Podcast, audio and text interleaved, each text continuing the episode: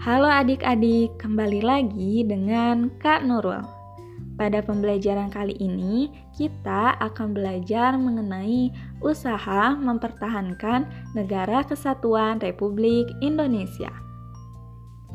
Negara Kesatuan Republik Indonesia tidak berdiri dengan sendirinya, tetapi melalui perjuangan para pejuang yang dilakukan dengan proses yang sangat panjang. Mereka telah mengorbankan harta dan bahkan nyawa mereka demi Indonesia tercinta. Sehingga para pejuang dan pendiri Indonesia sudah bertekad bahwa bentuk negara kesatuan Republik Indonesia merupakan pilihan terakhir. Keutuhan NKRI dapat ditunjukkan melalui hal-hal berikut ini. Yang pertama, Indonesia yang utuh dan tidak mudah terpecah belah. Kedua, hubungan antara pemerintah dengan rakyatnya baik. Ketiga, tidak ada pergolakan, peperangan, pemberontakan, ataupun perpecahan di antara rakyat. Yang keempat, situasi negara yang aman, nyaman, dan damai. Usaha mempertahankan NKRI di masa kini berarti menjaga keutuhan negara.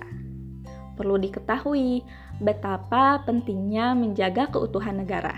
Hal tersebut dapat ditunjukkan dengan sikap-sikap berikut ini. Yang pertama, cinta tanah air, kemudian membina persatuan dan kesatuan, serta rela berkorban. Sikap-sikap tersebut dapat ditanamkan di lingkungan keluarga, sekolah, dan masyarakat. Kita juga harus bangga dengan beragamnya budaya yang dimiliki Indonesia, karena walau berbeda, kita satu kesatuan Indonesia. Artinya, kita harus memahami makna semboyan bineka tunggal ika.